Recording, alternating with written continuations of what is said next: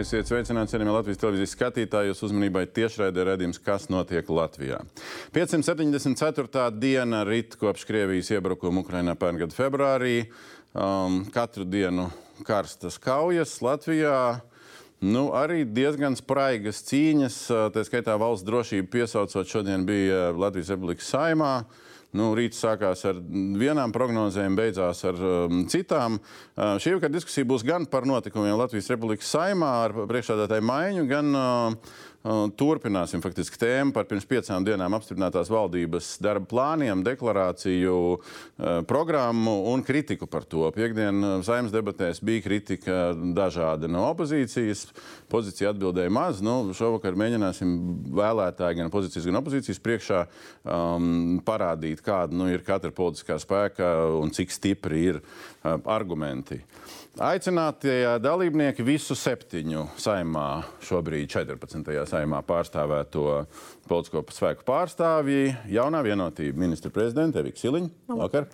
No Zaļo zemnieku savienības mēs pēc tam, kad uh, tika ievēlēta jauna uh, saimnes priekšsēdētāja, aicinājām, ka varbūt viņi varētu pārstāvēt ZZS. Toreiz šobrīd pārstāvju maiņa šodien nenotika. Uh, Zaļo zemnieku savienību pārstāv zemkopības ministrs Armāns Kraus. Labvakar! Labvakar. Um, progresīvo saimnes priekšsēdētājas nu jau biedre, mainot šodien amatu, Antoniņa Ņināševa. Vakar. Un opozīcijas uh, kvartets, uh, apvienotā saraksta saimnes frakcijas priekšsēdētājs Edgars Tavars. Vakar. Nacionālo apvienību, nu, vairs atkal ne uh, ministre, jāsaka, bet atkal saimnes deputāti Ilza Indriksone. Uh, Stabilitātei saimnes frakcijas priekšsēdētājs Aleksis Rosļikovs. Un Latvija pirmā vietā saimnes frakcijas priekšsēdētājs Enašs Lesers. Nu, sāksim ar to, kas šodien notika, vai kas nenotika un kāpēc. Notika saimā primāri, protams, ar, un, un pamatā par saimnes priekšsēdētāju maiņu. Nu, prezidijs pēc tam tika pamainīts sastāvā bez uh, lielām peripētijām. Uh, Um, bet attiecībā uz spīkeriem, nu, tad, tad sākām mēs no rīta, rītu ar um, Edvards Miltēnu spīkeru amatā. Um, turpinājām ar um, to, ka Gunārs Kūtris nekļuva. Um, nekļuva par saimnes priekšsādātāju, jo pārnobalsoja no jaunās koalīcijas tikai ZZS. Pat Roslikovam un Šleserkungu vadīto frakciju atbalsts tur uh, nelīdzēja. Vēl divi kandidāti, vienā, viens vienā, viens otrā kārtā bez, um, bez vairākuma un daiga mieriņa noslēgumā vairākumā. Es gribētu sākt ar to uh, epopeju, kas sākās, protams, ap Gunāru Kūtru pēdējās dienās. Uh, Siņas kundze, jūs uh, pateicāt uh, vakar, te ir precīzi citāts no tā, ka jūs pateicāt vakar pēc uh, ministra kabineta sēdes, Kūtra kunga izteikumi, kas bija pirmdien rādio, nav saprotami, nav pieņemami um, būtu jāspēj izskaidrot izteikumi un atvainoties sabiedrībai. Kuturkungs ir kā vakar, tā, vakar tā kā atvainojās. Gan vienā intervijā, gan otrā intervijā. Jaunā vienotība šodien balso pret Gunāru Kūtri. Viņš tā kā ne īsti atvainojās, ne īsti izskaidroja, vai vēl kaut kas. Es varētu atbildēt ar pretjautājumu, kā jums šķiet? Bet jums kā šķiet, un kā jūs vērtējat? Es domāju, ka jaunās vienotības deputāti ieklausījās sabiedrības viedoklī uh, un uh, izteica savu vērtējumu. Protams, ka deputāti ir neatkarīgi savā balsojumā. Un, uh, Svarīgākais bija rezultāts. ZZS frakcija šodien arī no rīta vēl tikās, un es saprotu, viņiem arī bija vēl gana karsts debats pašiem iekšēnē, kā viņi rīkosies šodien pa dienu. Uh, un, nu, tas rezultāts parādīja, ka ZZS frakcija izvēlējās šādu taktiku. Bet, manuprāt, šobrīd rezultāts ir uh, gana labs. Jā, vienotība šorīt kavēja sēdi, kas ne tik bieži notiek, ka visa, visa frakcija kavēja sēdi. Tur kāds 5 minūtes pagāja pēc 9. To es nepamanu. Uh, jā, jā, nu bija tāda situācija, klātsošie vai ne vairāk to redzēja. Uh, tad kas notika līdz pēdējai minūtē, vēl par kaut ko sprieda un, un pāri pēdējai minūtei? Es, diemžēl, nebiju šodien frakcijas sēdē, jo es biju televīzijā no rīta. Bet, uh, manuprāt, jaunā vienotība, protams, vērtēja uh, iekšēji, kāds ir noskaņojums mūsu deputātiem un kāds ir arī tas kopējais sabiedrības noskaņojums. Eh, es biju jā, izteikusies iepriekšējā dienā, ka Kūtra kungs varētu atvainoties, izskaidrot savus izteikumus. No acīm redzot, deputāti izvēlējās eh, rīkoties savā. Bet jūsu novērtējums, ka neizskaidroja un atvainošanās nebija īsta? Es domāju, tas pirmkārt nav mans balsojums, tas ir mūsu frakcijas deputātu balsojums. Tāpēc arī šorīt no rīta deputātiem bija gana spraiga diskusija. Un, mēs bijām devuši iespēju arī ZZS frakcijai izvēlēties savu stratēģiju, kā viņš šajā situācijā rīkojas, cienot koalīcijas partnerus un cienot to komandu, kādu mēs esam izveidojuši ja partneri izvēlējās šādu ceļu, tad uh, mums bija arī nu, tāda skaidra pozīcija, ka mēs uh, nevaram šajā brīdī kūtru kungu atbalstīt. Deva iespēju citai stratēģijai. Ko jums deva? Kādu, kādu iespēju, Rauskungs? Mums bija iekšēji Zaļo un Zemnieku savienībā demokrātisks process. Tad ne tikai frakcija, bet mūsu vēlētās institūcijas bija izvirzījušas kandidātus, jūs ziniet, ministru postiņiem un arī tā skaitā saimnes priekšstādētajā amatā. Mēs, protams, šorīt apspriedāmies frakcijā, bet nu, tā kā šis demokrātiskais process bija noslēdzies, tad, tad Kūtra kunga izvēle bija kandidēt. Mēs to neapšaubījām. Jūs Process šorīt. notika, un viņš ir noslēdzies. Vispār par to nav jēga vairāk runāt. Tā jau ir Dombūrkungs, tā jau ir vēsture. Mums ir saimnes priekšsēdētājs. Tas, kas ir vēsture, ir nākotnes sastāvdaļa. Tas, kas ir bijis, tas ir bijis. No, no. Krauskungs, parunāsim par jaunāko laiku vēsturi šodien. Uh, jūs izvirzījāt Gunāru Kūtri šorīt, Nē. zinot. Gunārs Kūtris. Šorīt mums bija frakcijas sēde, kur mēs apspriedām vienkārši esošo situāciju. Tāpēc, ka Gunāra tad... Kūtra kandidatūra tika izvirzīta šorīt. Dokuments ir datēts ar šorītu. Taisnība. Kurš izvirza kandidātu saimā? Viktors Valēns izvirzīja Gunāru Kūtri tad izvirza attiecīgi ir saimnes kārtības rullis. Jā. Un izvirza. Vai ZZS zināja, ka jaunās koalīcijas partneri nebalsos ja par Gunāru? Viens deputāts atbilstoši kārtības rulim var izvirzīt. Jautājums, vai jūs zinājāt, mēs, ka koalīcijas partneri neizvirzīs? Mēs apspriedām. Es, jums, es jau jums teicu, ka mēs jau bijām apsprieduši savās demokrātiski vēlētās es institūcijās. Es jums jautāju, vai jūs zinājāt? Kāda ir izvirzīšanas kārtība politiskā vai spēkā? Vai jūs zinājāt? Ka koalīcijas Mēs partneri... to nojautām, nojautām. ņemot vērā to, kāda bija reakcija sabiedrībā un kāda signāla nāca no mūsu kolēģiem. Bet balsis mēs nevarējām zināt, cik būs. Kas un? Un, bet jūs, jūs ņemiet vērā, ka katrā politiskā spēkā ir demokrātiski ievēlētas struktūras. Mēs apspriežamies, mēs izvirzām, ja, un tad atbilstoši saimnes kārtības rulim, protams, deputāti lemj frakcijā un uh, virza tālāk to kandidātu. Našas kungs īsajā versijā um, pielieciet savu skatu. Kas jums tur notiek koalīcijā? Ja piecas dienas pēc koalīcijas uh, līguma parakstīšanas uh, atnāk koalīcija un nojauš viens par otru atšķirīgiem balsojumiem.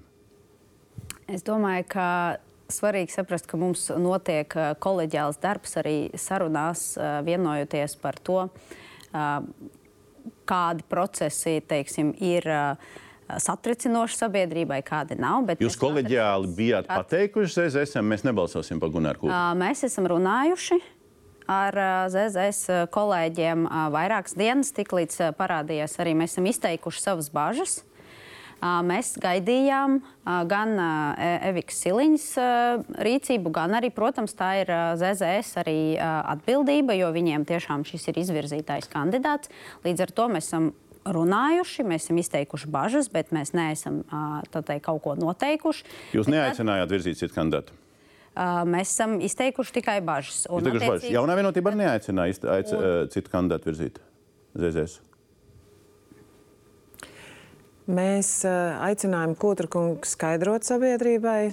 Uh, manuprāt, vakar uh, tas viņa skaidrojums īsti līdz galam nebija pārliecinošs, un tas atainojās arī jaunās vienotības balsojumā. Tas, kā un vai ZZS izvirzīs citu kandidātu, protams, jau bija loģisks. Uh, nu, tāds uh, secīgs uh, process, kas, izsaka, kas sekoja tam, ka Kūtra kungam balss vienkārši nebija. Mēs gaidījām arī, jāsaprot, līdz uh, rītam, arī agram no rīta, arī to lēmumu, ko izteiks arī paši ZZS. At, attiecīgi pēc tā lēmuma mums bija arī pašiem frakcijā lēmums, kā mēs balsosim, un mēs nolēmām neatbalstīt. Bet kā vienota, ka tas būs ZZS kandidāts, tad, ja tas nav Kūtrakungs, tad tas ir kāds cits ZZS kandidāts. Saliekam kopā šo, šo pirmo soli, kas šorīt notika. Nu, labi, apvienoties saraksts un Nacionāla apvienība balsoja pret, un tas ir diezgan pašsaprotami un diezgan loģiski. Stabilitātei balso pār. Par Kūtrakungu. Jā. Viennozīmīgi. Es šodien izgāju uz uh, tribīnu un pateicu, ka Kutra kunga cilvēciska pozīcija līdz šim mūs uzrunāja. Mums tas bija ļoti svarīgi. Citu... Tas, ko viņš ir teicis pēdējās dienās, tas, ko viņš ir darījis, jums Vispār, viss kārtībā. Ja mēs runājam par to procesu, ka mēs strādājam kopā 9 mēneši, ja, tas ir ļoti svarīgi. Un, uh, tur uzreiz izgāja kolēģi, pateica, ka tur ir kaut kāda dilošana. ZZS, starp citu, pat paldies nav pateikuši. Neskatoties uz to, ka tā ir momenta, mēs noturējam savu paldies, pozīciju. Jā, redziet. Paldies. Jā. Utra kungs ir vienīgais teiksim, tā, deputāts, kurš uz dotu momentu ir saglabājis savu pozīciju par to, ka tauta ir nedalāma. Jā. Par to, ka nav kreiso labu, labu un sliktu cilvēku Latvijā. Tas, par tas, ko izsaka šaubas progresīvie un jaunā vienotība, tas jums šaubas nerada. Vai man traucē Kutra kunga teiksim, pazīstamība ar Lemberga kungu? Absolūti netraucē. Es domāju, ka te lielākā daļa viņu pazīst. Nu, kur tas ir kungam līdzīga pozīcija? Tas, ko viņš ir izteicies, tas, ka te kaut kādas šomēšanās nav problēmas. Par ko ir jautājums? Jautājums, kāpēc eh, Latvija pirmā vietā situācijā, kad jaunās koalīcijas partneri neatbalsta Gunārs Kūdrs spīkera amatā, atbalsta viņu? Nu, tā gluži nebija. Mēs uh, pieņēmām lēmumu, ka mēs principā nepiedalīsimies uh, balsojumos. Uh, bet mēs skatīsimies, kas notiek saimā. Jo pirmkārt, no, pie mums neviens nenāca un neaicināja atbalstīt Kūtrakungu. Tas ir punkts viens. Līdz ar to mēs skatījāmies, kas būs saimā. Un es teikšu tā, jā, es no rīta sapratu, ka Kūtrakungs netiks atbalstīts. Es to saprotu jau no paša rīta. Kāpēc balsot par? Bet par Kudru kungu nobalsoja vairāk cilvēki. Tar, kur, nu, mums bija brīvs balsojums, bet lielākā daļa nepiedalījās balsojumā. Tā skaitā arī es nepiedalījos bal balsojumā. Bet par nākamo balsojumu to es esmu gatavs nokomentēt. To, to mēs jau tiksim. Vispirms saprotam, kas te notika. Ko, ko, ko Tavarkungs saka? Kas notika šorīt saimā? Nu, šorīt saimā tika faktiski pabeigts daļēji tas process, kas iesākās 10. maijā viena vienošanās un pretīm solījumi. Nu, nevarētu būt, ka 10. maijā novienojās, ka 20. Nē, ne, septembrī ne, ne, kūtri virzīs un pārējie neatbalstīs. Es domāju par izmaiņām koalīcijā. Un, un, un, un saimnes priekšsēdētājs ir neatņemama šajā gadījumā. Tas ir Daigas Mieriņas sastāvs. Bet... Un vienošanās, ka Zaļo zemnieku savienība virza priekšsēdētāju, nu virziet. Attiecībā par kūtri bija vismaz dažas dienas kad sabiedrība varēja noskaidrot, pateicoties sabiedriskajiem mēdījiem, kūtru viedokli, ko viņš patiesi no, sav, no sirds domā, kā viņš uzskata, ar kādiem cilvēkiem vajag runāt, ko nevajag runāt. Un tas arī deva signālu pašai koalīcijai. It kā šķist, ka tas ir opozīcijas nopelns, bet opozīcijai šeit nav nekāda nopelna. Šis ir viss pateicoties eh, tam, ka Kūters publiski pauda savu viedokli, un rezultātā jaunā vienotība un progresīvie no rīta izlēma, kas bija zināms lielākajai daļai saimnes, ka neatbalstīs Kūtera kungu. Interesants kundze, identiski, mazliet atšķirīga vērtējums, kas notika no rīta šajā pirmajā uh, posmā, nu, pēc tam, kad uh, Smiltēna kungs ir atcelts. Nu, faktiski līdzīgi. Es domāju, ka ZZS jau ļoti labi izskaidroja, ka viņi gribēja pabeigt procesu. Es vienkārši domāju, vai tas bija tā vērts. Eh, zinot rezultātu, tērēt tik daudz stundas tādam bezjēdzīgam rituālam ar, ar vēlēšanu trīs uh, posmiem, ka mēs varējām produktīvāk, ātrāk tikt pie rezultātu. Bet noteikti šajā brīdī es vienīgi varu izteikt nožēlu, ka ka, varētu teikt, netika atsaukts vai cits kandidāts piedāvāts, apspriests, varēja dot laiku iepazīties, uzzināt arī viedokli, jo šobrīd Mieriņas kundze zina visu. Pie, pie Mieriņas kundze mēs jau nonāksim, bet, bet drusku padiskutējam, jo tomēr nu, tā sabiedrības rezonance bijusi pietiekami plaša ap Gunāru Kūtru pēdējās 40, nē, 50 kaut kādās stundās kopš uh, intervijas uh, Latvijas rādio pa dienu. Uh, un, un tomēr nu, es teiktu, ka tas ir nevis jautājums par vienu Gunāru Kūtru, nu vienu Aivaru Lembergu, bet par kaut kādiem principiem vai kaut kādiem redzējumiem, kā mēs 21. gadsimtā vērtējam kādas lietas procesus, cilvēkus, principus, jau, jau ko, vēl kaut ko. Nostamies video, kas ir uh, kombinācijas starp aizvakardienu un vakardienu. Uh, par divām lietām. Gan par uh, uh, saimnieku Ventspilī, gan par uh, um, to, kā Gunārs Kūters pie kādiem galdiem kādu cilvēku aicināt, kas ir gan radio uh, intervija, gan vakar uh, fragments no intervijas Latvijas televīzijā. Es uzskatu, ka Lembergs ir labs saimnieks. Uh, ja kāds saka, ka viņa saimniekošana kādā veidā ir sakārtota Vēncpils, ir bijusi slikta, uh, nu, piedodiet, kurā vietā. Es domāju, ka Vēncpils kā pilsēta ir sakārtota. Nu, tas ir cits jautājums, vai ne? Kā saimnieks, pilsēta ir sakārtota. Bet to, tas ko... nav svarīgi ar kādiem paņēmieniem, pa, kādiem līdzekļiem un ko cilvēks pats šajā visā procesā ir ieguvis šo... likumīgi vai nelikumīgi. Es atvainojos, es šo apsūdzību neesmu lasījis. Ja man būtu jāattīst ekonomika, es noteikti saicinātu uz kādu apspriedi Latvijā miljonārus. Vienalga apsūdzētie, notiesātie, vienalga kā, ar viņiem es aprunātos par to, kur viņi saskata problēmas Latvijas ekonomikas attīstībai. Kā viņiem izdevās savu, savu ekonomiku attīstīt. Es šajā brīdī tiešām atvainojos tiem Latvijas iedzīvotājiem, kuri manu teikto izprata tādā veidā, ka es Latvijas valsts attīstībā iesaistīšu konsultācijas ar notiesātām vai apsūdzētām personām. Mēģinam vēlētājiem parādīt, kā jūs katrs redzat šo situāciju. Um, Gunārs Kuters neatvainojās par to, ka viņš būtu kaut ko aplām pateicis saistībā ar Evaru Lemberga saimniekošanu Ventspēlī. Viņš atvainojās par to, ka ne tā ir saprasts viņa formulējums vai piemērs, kā viņš aicinātu pie viena galda miljonārus. Piemēram, Ainārs Lesers viņš varētu aicināt pēc šīs kvalifikācijas, ja tā mēs skatāmies, parunāties par Latvijas ekonomikas attīstību. Siliņskundze, jūs arī precīzi vakar tajā preskonferencē nepateicāt, kas nav saprotams un kas nav pieņemams. Vai jums nav pieņemams tikai šī epizode, par ko Kudrs atvainojās? Par sarunu pie viena galda ar miljonāriem, notiesātiem tiesājumiem un tam līdzīgi. Vai arī par saimniekošanu Ventspēlī? Nu, man viennozīmīgi nav pieņemams, ka viņš ir gatavs konsultēties ar notiesātiem un apsūdzētām personām. Un, lai vai ko Kūtra kungs varētu teikt, bet viņš ir pieredzējis jurists, pasniedzējis universitātē, satversmes tiesas bijušais priekšsēdētājs, un līdz ar to viņš ļoti labi saprot, kas ir notiesāts un apsūdzēts personas.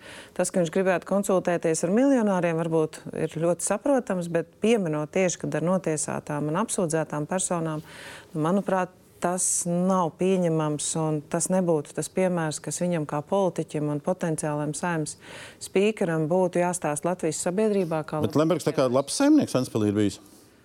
Protams, Lemberga faktors arī, jo mēs esam skaidri vienojušies mūsu koalīcijas līgumā, ka sankcionētas personas nepiedalās mūsu lēmumu pieņemšanā. Nu, šie kūtra kunga izteikumi bija tādi ļoti divdomīgi.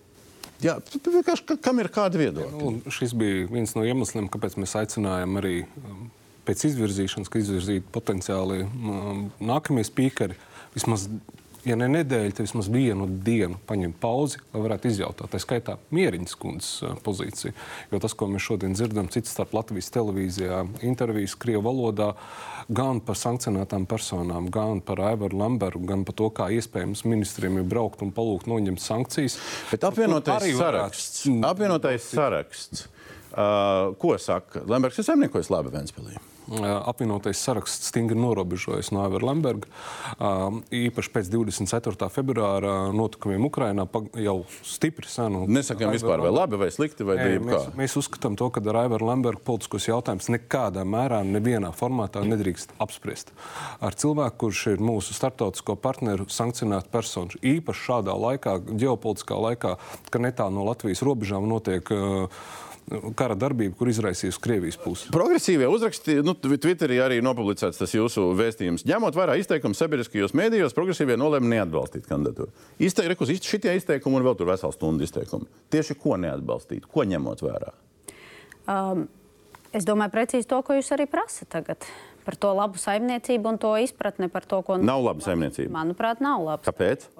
Jo tas ir tieši uh, Mēs skatāmies uz to tiesiskumu lietu, ka var, protams, labu saimniecību padarīt arī uh, ne līdz galam ar likumiskām metodēm, un tad arī nu, šobrīd jau visi tie procesi, kas ir, gan ar uh, ko Lembergs tiks apsūdzēts, un, un nu, tas neparāda to labu saimniecību, jo valsts tiesas vara. Kurai būtu jāskatās uz to tiešām nevis. Ir vēl kāds telpā, kas saka, ka nav bijusi laba saimniekošana. Nav jau, nav jau svarīgs rezultāts, aizbraucot uz Vēnspilsnu, ieraugot skaistu cēkstu vai skaistu ziedus. Tas nenozīmē, ka saimniekošana ir laba. Nu, Tas tad kāda vi- jūs sakat, ka nav bijusi laba?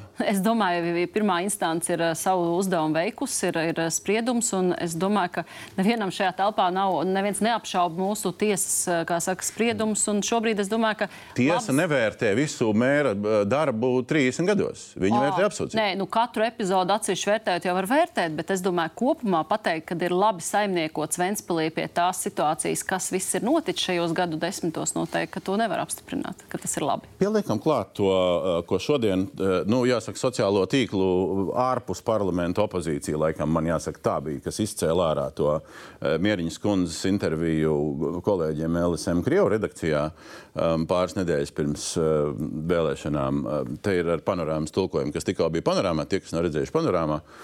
Nu, noskatāmies vēl vienreiz. Tad Mieriņas kundze pirms gada Par šo pašu būtībā tēmu izsakās sekojoši. Redziet, cilvēki vēlas, lai par viņiem rūpētos, un tas, ko dara Aivars Lembergs Vēnspilī, tās ir tīras rūpes. Ielas ir savestas kārtībā, mājas uzceltas, ir izdarīts viss, lai cilvēki justos labi un varētu normāli dzīvot. Un to pašu cilvēku vēlas valstī, lai būtu kāds, lai viņi justu, ka kāds par viņiem rūpējas. Saimnieks, saimnieks to saka mūsu Голосит наш... э, Jūs gribat, lai Latvijas saimnieks ir Aivars Lembergs? А у нас э, мото Tas тоже ir mūsu такое, moto. что saimnieki savā Tātad zemē, то есть хозяин saimnieks savā своей zemē. земле. Īpaši Именно šī вот darba этот, metode э, метод domāt, работы, kā labāk думать, visiem. Ja būs jauna valdība, jauni ministri, viņi arī var aizbraukt uz Ameriku un palūgt to pašu valdību noņemt sankcijas. Ja tas ir tik viegli, ja kurš var aizbraukt uz Ameriku un pateikt, uzliksim sankcijas tam un tam, vai noņemsim sankcijas tam un tam. Un panorāma tur vēl norāda to, to, tās, to turpinājumu, kur bija Mieriņas kundzes teksts par to, ka sankcijas ir nepamatotas. Krauskungs, mums ir situācija, ka būtībā par šādiem tekstiem, izņemot, ka sankcijas ir jāņem nost, ko teica jaunā saimnes priekšsādātāja, mums par šādiem tekstiem šodien saimnes vairākums bija pret Gunāra Kūtra apstiprināšanu. Un tagad ZZS deputāte, kur ir runājusi to pašu labsaimnieku, nu, tur gandrīz vārds vārdā tas ir. Uh, nav runājusi par to, pie, kāda, pie kādiem galdiem viņa aicinās kādas notiesātās personas, bet ir pateikusi šo par sankcijām. Viņa tagad ir um, otrā amatpersona, kā šodien daudz skanēja valstī. ZZS frakcija. Visi domā šādi, kā Daigmieriņa. Pirmkārt, man liekas, ka jūs esat sajaukuši kopā vairākas lietas. Nu, šķetinam. Ā, Es neesmu pētījis to tiesvedību, bet uh, tiesvedība un politiķa darbība vērtē, tātad vienā gadījumā tiesa, politiķa darbība vērtē vēlētājs. Acīm redzot, ja Ventspīlī vairāk kā 50% balso par to sarakstu, tad viņi vērtē to sarakstu kopumā, nu, ņemot vērā arī, ka tur ir cilvēks, kurš ir Aivars Lembergs. Tas, laikam, ir vienīgais vērtējums politiķim.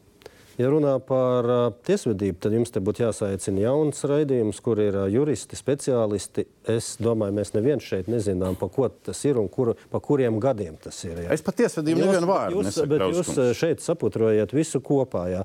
Mēs esam vienojušies, tātad, ja ir sankcijas, mums ir ļoti skaidra pieņemta principu koalīcijā. Koalīcija līgumā mēs arī esam atrunājuši, ka ar šādām personām tātad mēs. Nu, Viņas nepiedalās politiskos procesos, un mēs to ievērojam. Krauskungs, un visi- un visi tas, klātesošie. tas, ko jūs, Krauskungs. tas, ko jūs šeit Krauskungs. rādiet, tā ir politiskā, Krauskungs. politiskā retorika pirms vēlēšanām. Krauskungs.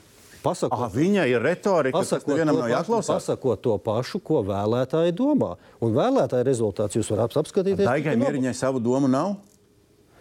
Vai kā vēlētājs ir novērtējis Tamburkungs? Nē, jautājums, Jūs zināt, nu, tie ir jūs- Daigas jūs Mieriņas aiz- domas, vai viņi bezdomu būtne, kas kaut kādas mistiskas vēlētājas atražo? kāpēc Varbūt jūs- viņai Evers Lembergs ir vēlētājs. Tamburkungs, nu jūs, kad uzaiciniet cilvēkus, jums patīk prasīt, ko domā tas un tas. Jūs prasiet, ko domā es, nevis ko domā citi. Es jautāju, vai visa labi varu- ZZS frakcija domā tā kā Daiga Mieriņa, un īsti jūs neatbildat. Paaiciniet ZZS frakciju, un viņi atbildēs. ZZS politiskais nostāja mums ir pavisam skaidra. To tikko paudu. Krauskungs un Tātad, visi. Krauskungs vi, un visi pārējie. Es atļaušos paplašināt jautājumu. Bet jūs varat vēl Dombrovs. Es atļaušos paplašināt jautājumu. Jūs jau varat tagad pašķietināt, ko te katrs, kur ir teicis. Nu labi, Tāvar kungs tagad saka, atļaušos labi, tā kā paplašināt jautājumu. pa Aivar Lemberg, viņš teica pavisam savādāk. Jūs varat karams pilnīgi Tieši tā, savādāk. tā kā, tā kā, nu, jūs... Ukrainam karam sākoties, mēs skaidri gaiši un, aizgājām prom no Zaļo zemnieku savienības. Mēs te saskait- Tīrdaļa Aivar Lemberga. Mēs saskaitījām, ko- kas palika, 14. palika pilnīgi absolūti Aivar Es Lemberga. labāk ieteiktu pāriet pie tās otrās sadaļas, ko jūs pat deklarējāt. Krauskungs, paldies par jūsu ieteikumu. Parunājam nopietni. Jo man liekas, ka šī saruna pa valsti. Un tieši tā, un tā otrā daļa par deklarācijām, par darāmiem darbiem arī ir pa valsts. Krauzes kungs, paplašinam lūdzu jautājumu. Visi. Pirmkārt, skatoties faktus cauri, stāsts par to, ka Ventspils ir kaut kāds īpaši labi saimniekošanas piemērs, kļūst ļoti apšaubāms. Labojiet man, ja es kļūdos. Ekonomiskā aktivitāte, trūcīgo skaits, demogrāfijas rādītāji. Tur nav nekādu super labāku panākumu nekā daudzās citās Latvijas valsts pilsētās, cik nu mums viņi ir. Tas, ka kaut kur ir kaut kas nobruģēts, vai koncertzāle, mums ir virknē valsts, valsts pilsētu koncertzāles, un smukas fasādes ir dažādās lietās. Bet, ja mēs redzam uz, uz, uz trūcīgumu, uz demogrāfijas, uz ekonomiskās aktivitātes, tur cipari rāda, ka nekāda tāda laba saimniekošana nav. Ja mēs paskatāmies tos 30 gadus, kas ir Latvijā bijuši, Aivars Lembergs sāk ar to, ka viņš gadiem ilgi eh, vienlaicīgi sēdēja uz diviem krēsliem, kā valsts amatpersona un kā uzņēmējs. Pirmie offshore pacēla augšā visus savus failus, biezos. Pirmie offshore 92. gads, daži mēneši pēc uh, pilnas neatkarības atjaunošanas Latvijas valstī. Pēc tam mums ir uh, Lembergs miljonārs, vēl aizvien amatpersona. Tad ir uh, oligarhu kari, tur jau Šleserkungs parādās pie apvāršņa. Uh, Lembergs slēdz uh, partij, ar partijām konfidenciāls vienošanās, un Vēnspils uzņēmējs slēdz. Pēc tam ir 2000 gadi, ir uh, stipendijāti. Uh, ne pa visu ir krimināllietas izbeigts, bet informācija un liecības ļoti daudz. Ir ļoti daudz sarunas par to, kā Lembergs ir ietekmējis privatizāciju. Ir saruna, nu, spožākais stāsts par to, kā ir sarunāta Latvijas kuģniecības privatizācija. Tad mums ir rīdzenes sarunas. Uh, 2010. gads, kur uh, Šleserkungs uh, aktīvi piedalās un vēl citi cilvēki.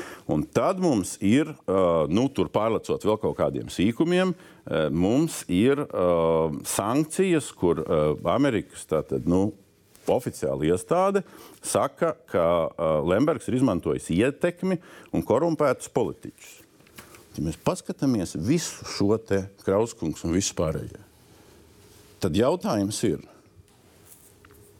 vai, vai šī nav politiskā kaut kāda pagātne, nu, kur mums vienkārši vajadzētu pateikt, ka mežonīgais kapitāls bija jautrs un interesants, varbūt daļai, un daļai pabriesmīgs.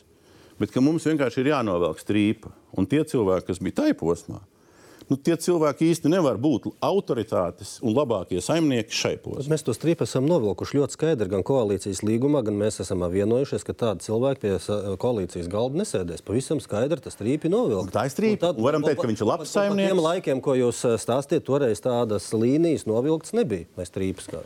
Es domāju, ka tas, ko cen... vismaz tā kā es to saprotu, kā es to redzu, ka ZZS politiķi, kas ir šodien koalīcijā un ir centušies uh, uh, tiešām šo strīpu novilkt, uh, man jāatzīst, ka ne visi saprot, ko tas nozīmē. Iespējams, līdz šim brīdim.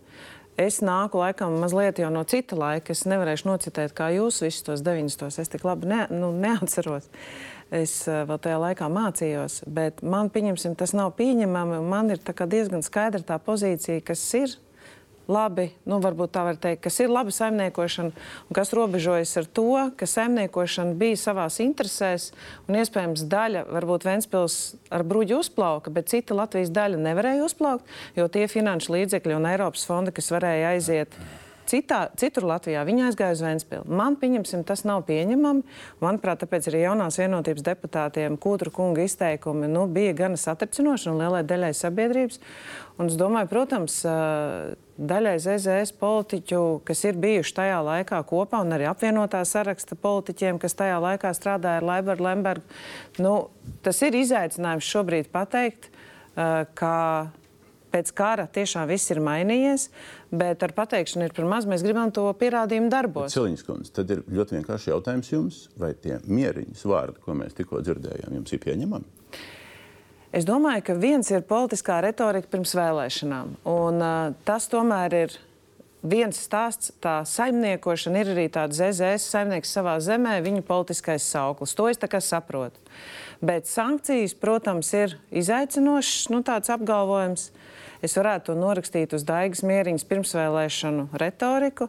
Protams, ja viņi kaut ko Nu, diezgan tādu konkrēts teksts tur bija. Es, es piekrītu, bet uh, ņemot vērā, ka ar kādu laiku es ar viņu esmu šobrīd darbojusies, gan sastādot deklarāciju, gan strādājot ar viņu kopā, nu, manuprāt, uh, politiķi arī maina savas domas. Kā mēs redzam, arī apvienotā sarakstā ir deputāti, kas pilnībā spēj norobežoties no Lemberga kunga.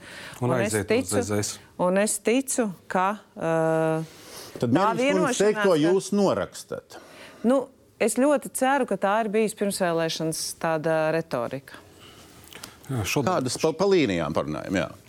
šodien mēs apstiprinājām valsts otru augstāko amatpersonu, kura šodien cits starp izpilda arī valsts prezidenta vietas pienākums. Valsts prezidents armijas augstākais virspavēlnieks. Saimnes priekšsēdētājs šī otrā augstākā valsts amatpersona ir Nacionālās drošības padomas locekle. Tas, ko mēs aicinājām, mēs jauno vienotību, nevirzīt cilvēkus no Zaļo zemnieku savienības valstī drošu, par drošību atbildīgās jomās. Tas tika šodien izdarīts ar uzbiju.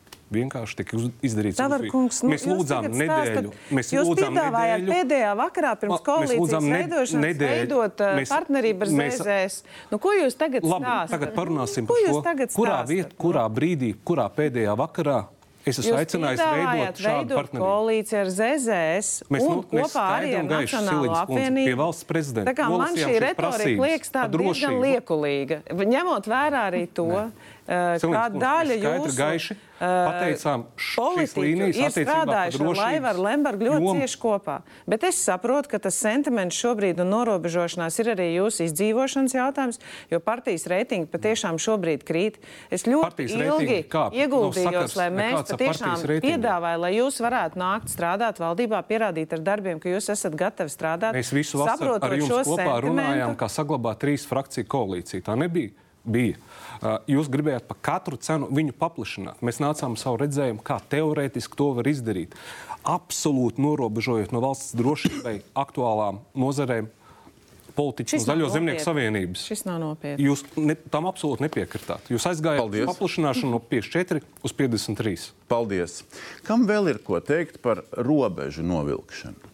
Šlesnerkungs, jūs bijāt savulaik, nu, ja mēs tā kopš 90. gadiem tinām filmu apakaļ, gan pretējā nometnē, gan uh, parakstījāt ar uh, Lembergu un vēl dažiem cilvēkiem vienošanās, ka Tautas partija netiks pie premjera amata.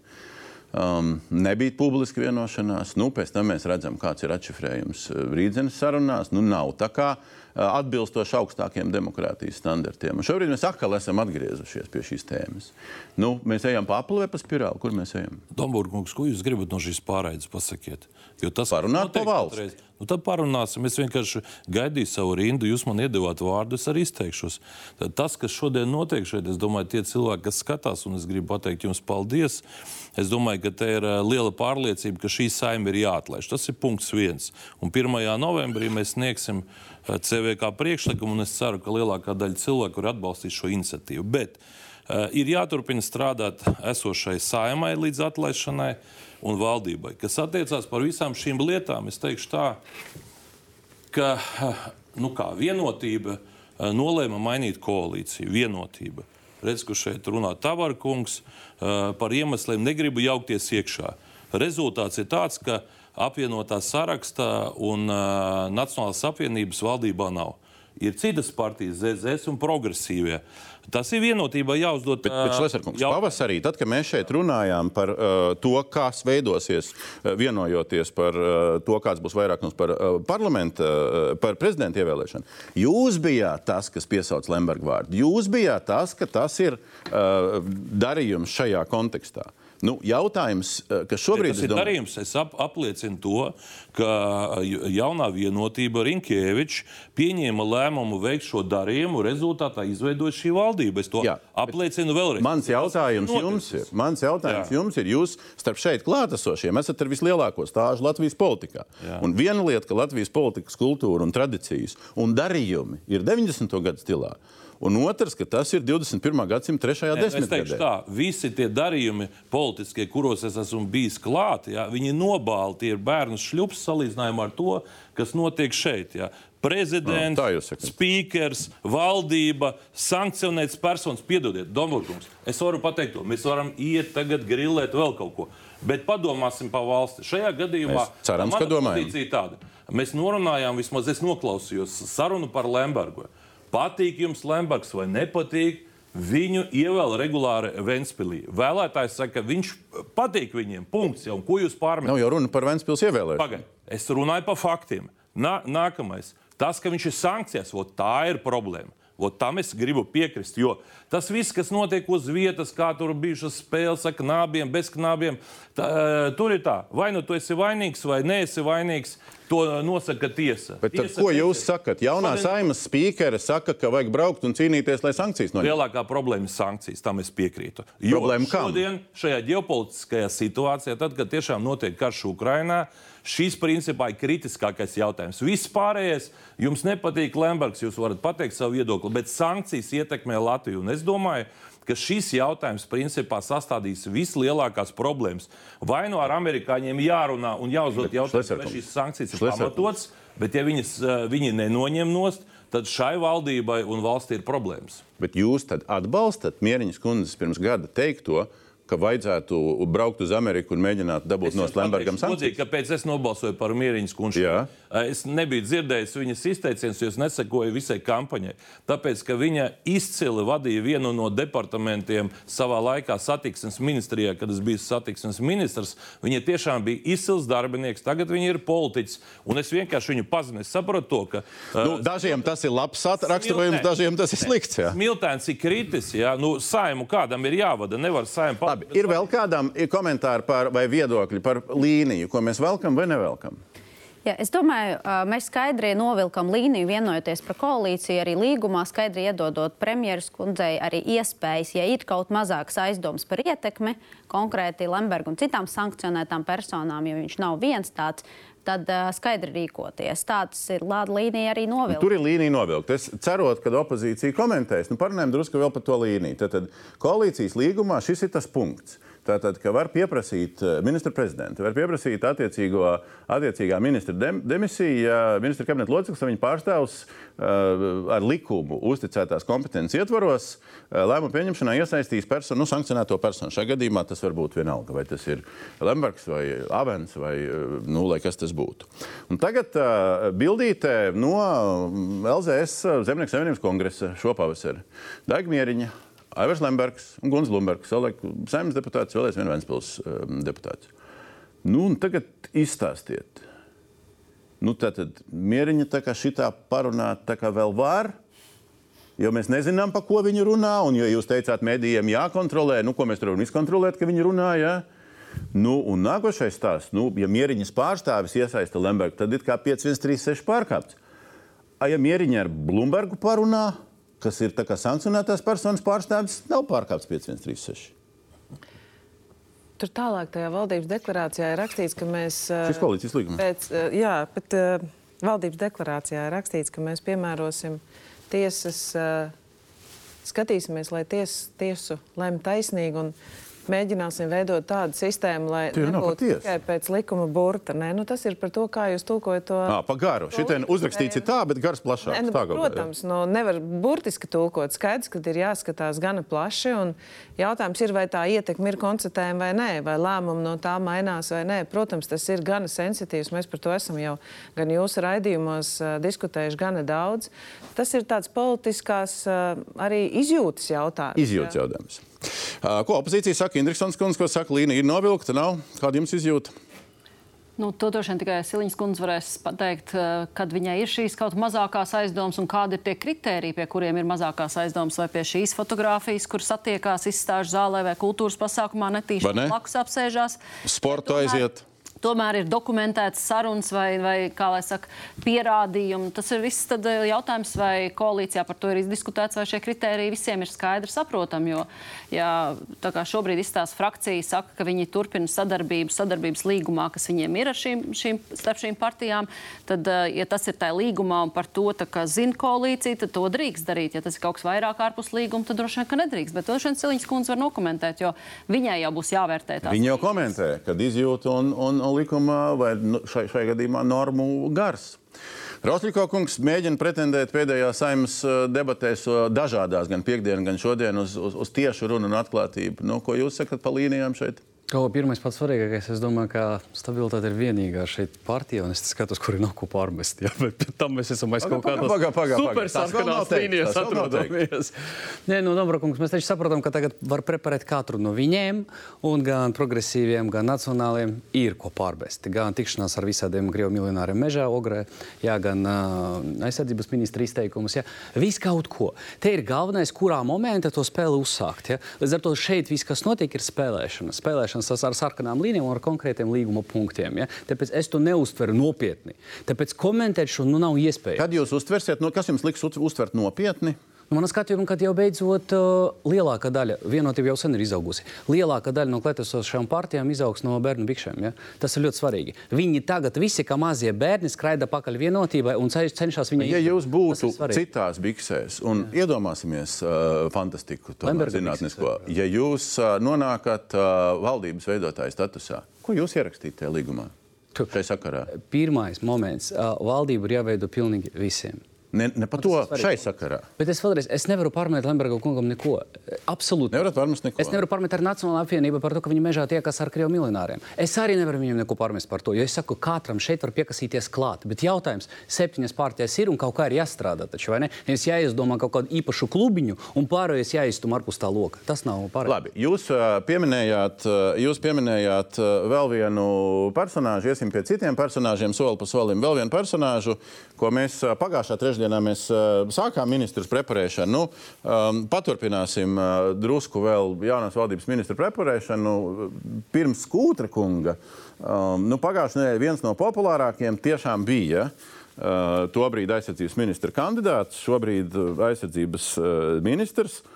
Un, uh, nu, te ir izrakstīti, pārtulkojot latviešu no Radio Baltkom, um, uh, 16. gadā izteikti citāti. Gan viņš piekrīt zvanītājiem, ka Krīma paliks de facto Krievijas sastāvā. Uh, Gan viņš uh, saka, ka Krievija ir liktenis piekrītot Putinam un Ukraiņa projekts, gan viņš runājot par latgālu separātistiem. Tur tā plūstoši noformulē, ka, ja vispār process ir konstitucionāls un miermīlīgs, tad ir iespējama kaut kāda saruna. Nezinu par ko. Progresīvie šito ieraudzīja. Nu, es tagad citēšu jūs, ņemot vērā izteikumus, nu, ja ne sabiedriskos mēdījos, tad sociālajos tīklos. Nu, šitas griezās ritīgi. Jūs kaut kā par šito arī padomājāt? Kaut kā pavērtējāt? Nu, līdzīgi kā tagad ZZSM prasa pavērtēt.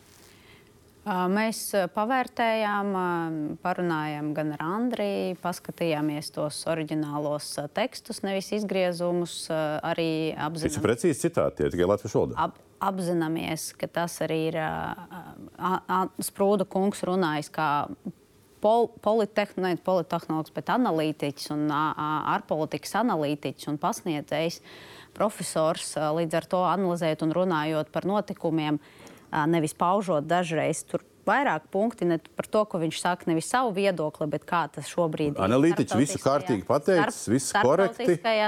Un analītiķi izteikumi pagātnē ministra kandidāta statusā neradīja nekādas šaubas. Mēs zinām, kāds ir nostājis Andrim tagad. Viņš to arī ir paudis arī publiski, skaidrojot gan šīs intervijas, gan arī šodienas realitāti viņam, gan šobrīd, gan kā politiķim, gan joprojām kā politikas analītiķim. Un tās nostājas ir skaidras šobrīd mums. Šuņskundze, jums šos komentārus skatot, es nezinu, cik daudz jūs skatījāt, un šos citātus lasot, neradās nekādu jautājumu. Es paskatījos vairāk, ko viņš saka. Viņš tur tā kā citē arī Krievijas viedokli. Viņš cenšas skaidrot, kāds varētu būt Krievijas viedoklis. Nav tā, ka viņš arī kā politiķis tur pauž kaut kādu savu pozīciju. Tas līdz ar to viņu kaut kādā ziņā attaisno. Kaut kādā ziņā attaisno. Nē, nu, protams, viņš ir arī skaidrojis. Kaut kādā publiski. citā ziņā? Viņš ir skaidrojis publiski, kas tie ir bijuši pa citātiem, kad tie ir izdarīti, ka, ko viņš ir uh, domā tagad. Un man ir svarīgi, ka šodien tie politiķi, kas ir vienojušies, un ir svarīgi, ka tie ministri, kas strādā valdībā, uh, strādā uz nemainīgu Eiroatlantisko kursu un pauž atbalstu Ukrainā. Un tad, ja tagad viņi nedarīs un uh, vēr, vai kaut kādā veidā ar savām darbībām apliecinās, ka viņi nav gatavi sniegt atbalstu Ukrainai, vai viņi maina šo Eiroatlantisko kursu, tad gan es teiktu, es esmu ļoti nobežījusies. Interesants un sprūts pārņem no Nacionālās apvienības pār, pārvaldītās aizsardzības ministrijas uh, resoru. Jūs esat nobežījušies, vairāk kā Silvijas kundze, mazāk, citādāk. Jā, jā, mēs arī to paudām tais pašos sociālajos tīklos, kā persona, ka, kas ir šādi izteikusies, un noteikti tie citāti ir diezgan precīzi. Mūsuprāt, nav atbilstoši aizsardzības ministra amatam. Ir ko atbildēt? Manuprāt, Andris Prūts ir izcils uh, kandidāts aizsardzības ministrijai, un uh, es domāju, ka viņš arī to parādīs lieliski darbā. Viņš to ir parādījis, un arī tajos pašos sociālos tīklos ļoti daudz cienījami cilvēki. Uh, eksperti ir pauduši arī atbalstu Andrim. Nu, uzturam to, ka uzturam to bijis, to, ka viņš ir bijis jau Krievijas teikt, persona non grata, nu jau kaut kādā, ja es nemaldos, jau uh, 16. gadā, tas daudz vairāk pasaka par viņu darbu un nostāju. Nekā, teiksim, izraut citātu no konteksta un uztaisīt kampaņu. Interesants. Kāpēc? Nē. Vai ko jums atbild? Viss? Nu, mēs domājam, ka aizsardzības ministrs šādā situācijā, kad ir faktiski aizsardzība, drošība, gan ārējā, protams, ir iekšā ir numur viens prioritāte, ir jābūt nevainojamai reputācijai. Un šādi izteikumi sociālajos tīklos 2016. gadā eh, rad, met ēnu un rada mums gan tās bažas, un ne mums vienīgiem. Es domāju, ka daudziem gan iedzīvotājiem, gan tiem, kas to dzird, redz un, un analizē, noteikti nu, tas nav tas pats, kas būtu cits cilvēks, kas nav aizsardzības ministra kandidāts. Grauj Latvijas manuprāt, manuprāt, šobrīd aizsardzības ministrija tā teikt, apšaubīgie visādi iepirkuma darījumi rada daudz vairāk bažas un daudz vairāk risku drošībai. Līdz ar to, manuprāt, ir tieši svarīgi, ka tur Andrus Prūda ienākšana un teiksim, analītiskā pieeja un stāja varētu nodrošināt arī kārtību un caurspīdīgumu un skaidru pārvaldību arī tajā ministrijā, kur sen prasās pēc tādas pārvaldības. Vēl cits domas par šo? Es domāju, punkts viens skaidrs izteikumi jau pēc Krimas aneksijas. Un strauji mainīts viedoklis. Tas ir vēl viens arguments, ko mēs runājam par pa drošību, atbildīgām jomām. Silīņas kundze pēc savas nominēšanas arī publiski pateica, ka Zaļo zemnieku savienībai nevar uzticēt ar drošību saistītas jomas. Un šodien tā sanāca, ka tieši armijas virspavēlnieka vieta izpildītais prezidents ir no ZZS. Bet labi, bet ja mēs runājam par progresīviem, tad uh, vienotība jau nebija kur sprukt. Ja mēs tā drīzam izteikties, jo tas notika, nāca šī informācija publiski tapa zināma pirms valdības apstiprināšanas. Un, ja progresīvi pasakā, būs šāds ministrs un viss, vienot, Paga, paga, nebija nu, variantu. Ministra prezidents var vienmēr noraidīt. Nebija variantu. ne? Bija 52 balsis, 53. ir Oļegs Burovs un viss. Mēs redzējām šodien, ņemot vērā, ka bija laiks sabiedrībai, tā skaitā arī vienotības kolēģiem iepazīt Gunāru Kūtri, varēja mainīt lēmumu. Šajā brīdī ar um, Mieriņas kundzi tāds Nepiekrītat? tā, tādas iespējas nebija. Es domāju, ja būtu izjautāta Mieriņas kundze, tad iespējams būtu. Paldies. Zeņģis kundze nepiekrīt, jo Es nepiekrītu, tāpēc, ka, protams, mums notika savstarpējas konsultācijas. Mēs konsultējāmies, kas ir tie potenciālie ministri, un partijas ir izvirzījusi savus spēcīgākos kandidātus. Vienojoties tiešām par tām jomām, mēs bijām iepriekš vienojušies, ka ZZS nepretendē uz drošības, tieslietu, ārlietu un aizsardzības un iekšlietu jomām. Bet es nepiekrītu tam, ka man nebija ma manevru iespējas. Man viņas ir joprojām. Un, ja varbūt bija tā sajūta, un visi atcerās Kariņa kunga sasietās rokas iepriekšējā koalīcijā, tad man šobrīd tādas viņas nav. Ar, varbūt var paskaidrot, kurš sasēja un kā sasēja Kariņa kungam rokas. Jums Lai, ne, jāizsaka. lai, lai tiešām, lai, ja mēs iesākam, pasakām A, tad pasakām arī B. Iepriekšējā koalīcijā uh, Kariņa kungs uzskatīja, ka viņam tiešām nav manevru iespēju. vēl domas par šito bija. Ja es varētu izteikties, ņemot vērā, ka es neesmu bijis ne vecā koalīcijā, ne, ne arī jaunajā, skats nu, nu, ne pavisam no malas, bet no parlamenta. Es teikšu tā, ja viss būtu bijis labi iepriekšējā koalīcijā, tad šodien nebūtu jauna koalīcija. Iepriekšējā koalīcija strādāja slikti. Eh, Tas, ka apvienotais saraksts un Nacionālā apvienība visu laiku slavēja Kariņu un teica, ka cik labs Kariņš un labākā iespējamā koalīcija, tā ir atbilde, kāpēc jūs esat opozīcija. Nevajadzēja pārāk slavēt Kariņu un teikt, ka tā ir vislabākā, bet, pagaid, bet runa tagad ir par uh, konkrēto cilvēku sprūdu. Tieši tā. Es viņu iepazinu saimā tikai. Viņš eh, ir partijā, kas ir diametrāli pretējā pozīcijā, ideoloģiski no, no partijas Latvijas pirmajā vietā. Bet man viņš personīgi ir atstājis eh, pozitīvu iespaidu saimā, eh, ļo, ļoti korekts un zinošs. Un šajā gadījumā es teikšu tā. Uh, bija taču vienošanās, ka tie, kas ir ievēlēti un saņēmuši mandātu, tiem ir tiesības būt pie valdības galda, lemt visu. Viņš ir ievēlēts. Viņš ir eksperts. Ja, nu, ja viņš kaut ko sliktu darīs, nu, premjerministrs viņu noņems nost. Es domāju, ka šodien šī spēlēšanās, kurš tur īsti kādu, ko, kuri teica, ja kāds tagad kaut ko nepareizi izdarīs, lai premjerministrs rīkojas un atbrīvo, bet pats galvenais ir tas, nu, viņš ir cienījams cilvēks. Nu, nevajag visus apliet ar samazgām. Paldies. Uh, Krauskungs, es pieņemu, ka jūs nekā īpaši te sprūdu nevērtēsiet, vai ne? Jo uzreiz es nobīdīju no visām šīm nozarēm. Bet es gribu vienu citu lietu pārprasīt, lai būtu skaidrība publikai. Um, līgums starp jums un Lembergu, kā ZZS vadītāju un Latvijas un Ventspīlī partijas vadītāju, kas vēl aizvien, kā mēs esam noskaidrojuši, ir spēkā, jo noslēgts tikai pirms dažiem mēnešiem.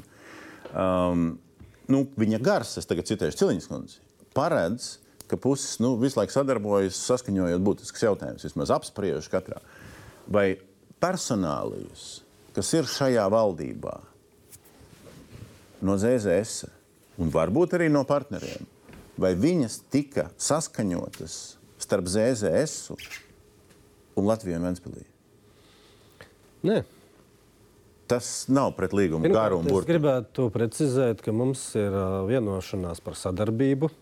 Nu, kas ir līgums? Jebkura vienošanās ir līgums. Tāda otra lieta nav starp Lembergu. Un tā ir būtiska lieta, ko jūs melojat. Es tikko pateicu, Latvija un Ventspīlī un Partija starp ZZS. Partiju, bet jūs teicāt starp Lembergu. Tad starp partiju. Jūs abi viņu parakstījāt vienkārši. Un Zaļo un Zemnieku savienību. Jā. Un ir uzskaitīti vairāk punkti, kas ir valsts drošību, attīstību saistīti, nospraust kopējie mērķi. Un ka partijas strādā, lai šos mērķus sasniegtu. Tieši tā. Tā tad neskaņojot personāli. Ne. Skaidrs.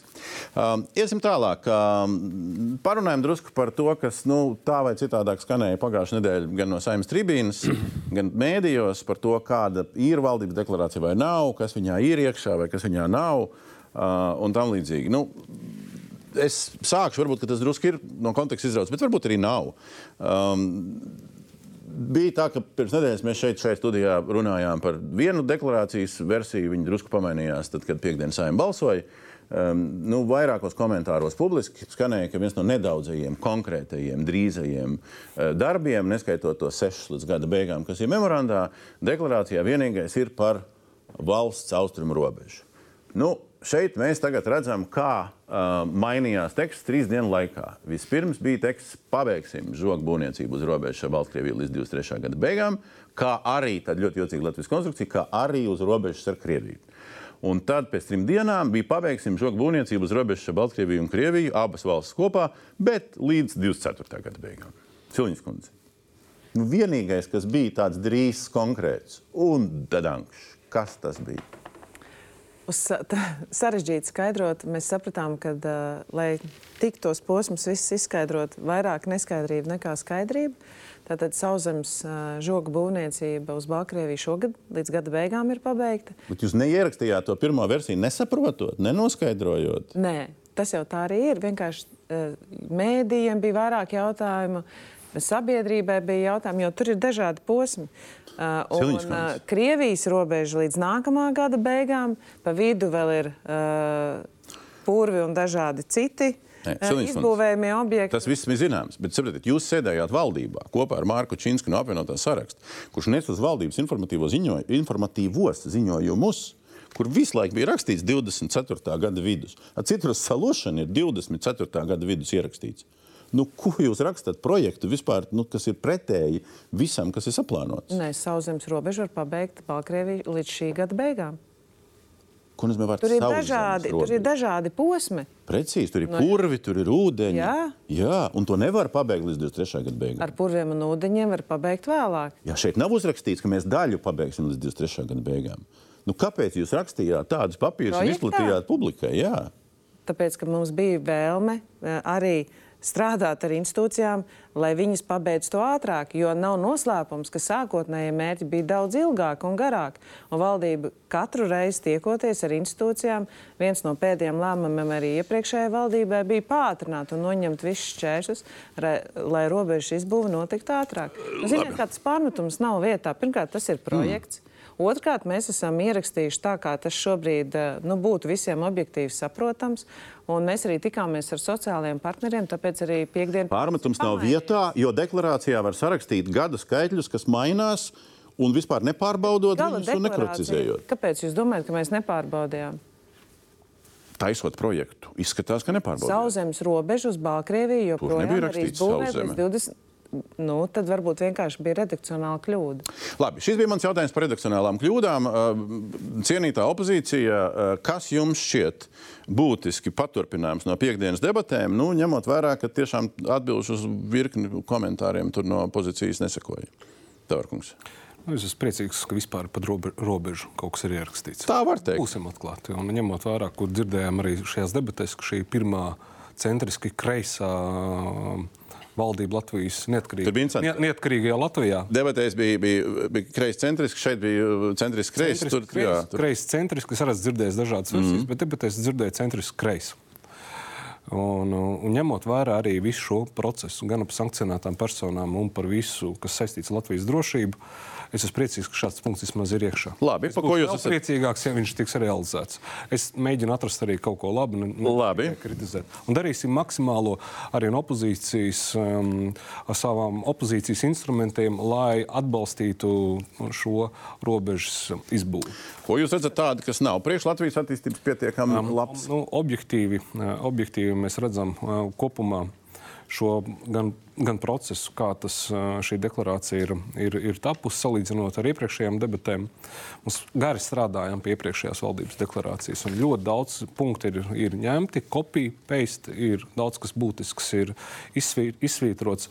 Bet, ja mēs raugamies šo vēlmi attīstīt Latvijas kopējo labklājības līmeni, ko vē- vēlamības izteiksmē, kā ceļa maize deva valsts prezidents, veidojot šo, šo koalīciju, tad šo faktiski tādu garu šādā, šajā deklarācijā mēs neredzam. Garu jūs Iespējams, mēs kaut ko Bet atradīsim. kaut kāda konkrētība drusku. Nu, kur jūs ko neierakstāt? Atradīsim kādā rīcības plānā, un, ja mēs uzliekam šos divus dokumentus pretī, tad šis ir daudz vienkāršāks un daudz apaļāks nekā iepriekšējā, iepriekšējais dokuments, kas bija iepriekšējais valdības. Neieraugat garu kopumā. Nu, tas nav diezgan baigi konkrēts pārmetums. Ir kas konkrētāks, ekonomikas ministrijai bijuši, ir kas konkrētāks, vai jūs ar garu neredzat tikai? Nē, mēs redzam divas daļas. Viena, ka tiek uh, ierakstīti kā veicamie darbi, darbi, kas jau ir iepriekšējā valdībā akceptēti, termiņi nosprausti, un nav teikts, mēs turpināsim to labo iesākto, bet ir uzlikts kā jauns uzdevums. Faktiski, uh, it kā iepriekš nekas nebūtu lemts, gan par pārējo uz latviešu valodu skolās, gan par desinhronizāciju no Krievijas elektrotīkliem, no arī tā robeža patiesībā ir tas pats, ka mm. tas tiek atkārtots, nospraužot. Bet tas nav slikti. Nu, ko atkārto? Nu, Nu, jā, bet nu, rakstīts, māca. turpināsim, bet tie ir vienīgie datumi un konkrētība.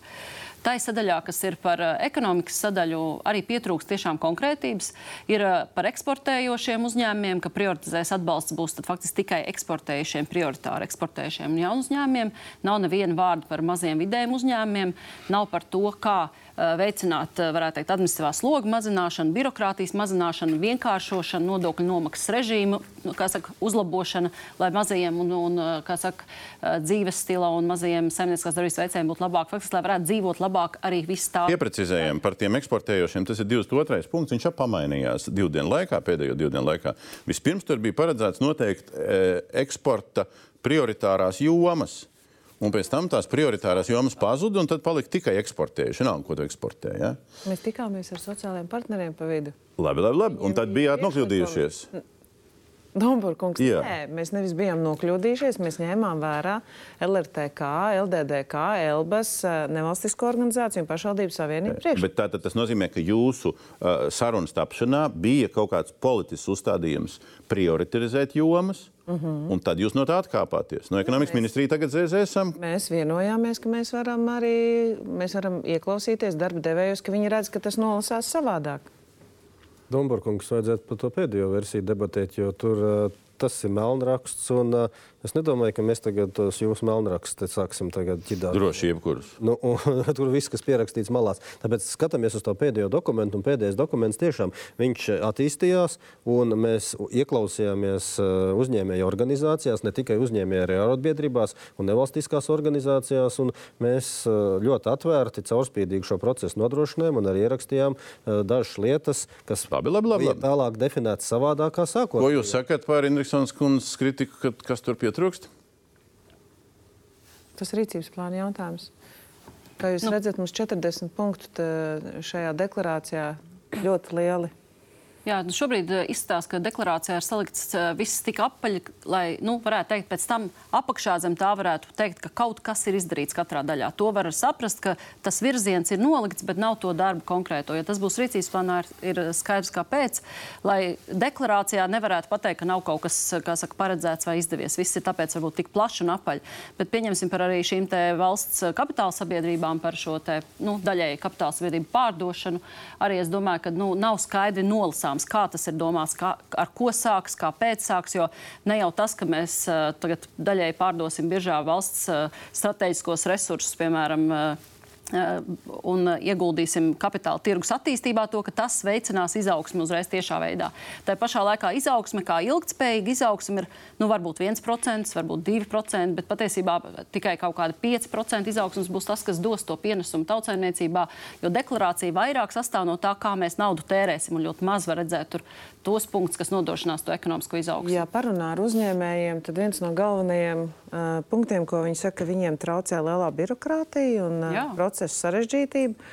Un liels akcents ir arī tajā, domāju, ja mēs ļausim uzņēmējiem strādāt un nevis kavēsim šos procesus, bet tiešām atradīsim veidu, kā mūsu daudzās institūcijas var mazliet pakāpties atpakaļ un atrast veidu, kā viņas var atvieglot. Es, es domāju, tas, piekrītu. tas būs noteikti arī liels piekrītu, solis. Bet, pe, kad bija pēdējā ministru kabineta komiteja, kad tieši par šo tēmu bija sarunas, tad, diemžēl, neviens no vienotības ministriem nepagodināja šo komiteju ar, ar līdzdalību. Un visas atbildes, ko ekonomikas ministrija saņēma uz 4. septembri, kam bija jābūt, ap, apliecināja, ka neviens nav gatavs šim pasākumam. Diemžēl. Es ceru, ka jaunā valdība ķersies klāt un pagriezīs visu jau šo jūsu citā virzienā. Es domāju, jūs diezgan daudz spējāt iepriekšējā valdībā. Mēs kopā strādājam. Es nevaru noliekt, ka ir daudz labas iestrādes un daudz arī varēsim turpināt. Bet tiešām detaļas rīcības plānā būs jāieliek lielākas. Protams, bet, dāmas, jūs abas un vēl Čakškundze strādājāt tajā cilvēku kapitāla padomē, Jā. kas viss saistījās ar to darba spēku. Un visi tagad, uh, nu nevis visi, bet daudz komentējot, uh, saka, kur tad bija Kariņa jūnija tēzes par uh, to darba spēku pieejamību imigrācijas kontekstā. Viņu te nemaz nav. Tas 29. punkts, Krauskungs strādājam ar gala dokumentu, ja ir palicis tāpat kā projektā, nav izmainīts pēc tikšanās ar sociāliem partneriem, un viņš saka, ka darba tirgus attīstība vai virzot darba spēku uz augstākas pievienotās vērtības nozarē, ietekmēsim pilnvērtīgu dažādu grupu iesaisti darba tirgu. Īstenosim ekonomikas izaugsmas atbalstam, pielāgot imigrācijas Jā. politiku. Tas ir tas, ko Jūs, Indriksons kundze, šajās apaļajās frāzēs kaut ko nolasat saprotamu, nesaprotat. eh, Tas ir nacionālās, nu, ja nav imigrācija plaša pieminēta, tas varbūt ir Nacionālās apvienības uh, politikas turpinājums, vai kas tas ir? Uh, nē, es domāju, ka tur ir uh, viss atkal tā ierakstīts, ka var iztulkot dažādu un neredzot. Un īstenot dažādi. Jā, un īstenot dažādi. Tad faktiski rīcības plāns būs tā, tā atklāsme, kad varēs saprast, kā tas ir domāts. Jo šobrīd izlasot, tur var īstenosim ekonomikas izaugsmas atbalstam pielāgotu. Ja grib, lai iet uz augstāk pienoto vērtību, tad nevar lēt darbspēku vest iekšā. Uzreiz var pateikt, ja grib.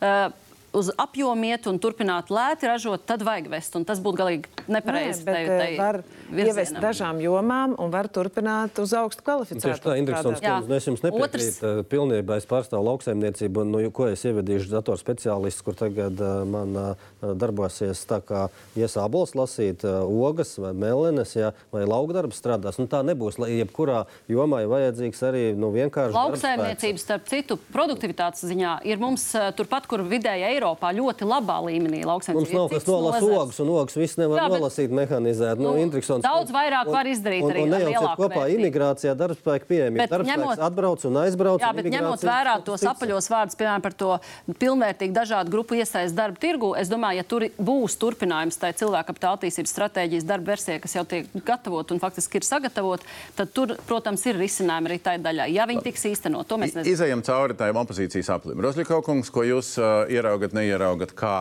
Nē, nē, ja mēs mēģinām pārliecināt skatītājus, ka kāds to deklarāciju pildīs, ok, satversmē uzrakstīts, ka viņa jābūt, viņi to arī ir izdarījuši. Iepriekšējā deklarācijā Kariņam bija 329, tagad ir 39. man liekas. 40 tagad sadalīja Jā, vienu jā, jā. piedošana. Nu, kur 200, 280, kur pazuduši kopā ar apvienoto sarakstu, tas viņas prioritāte ir bijuši. Nu, laikam nē.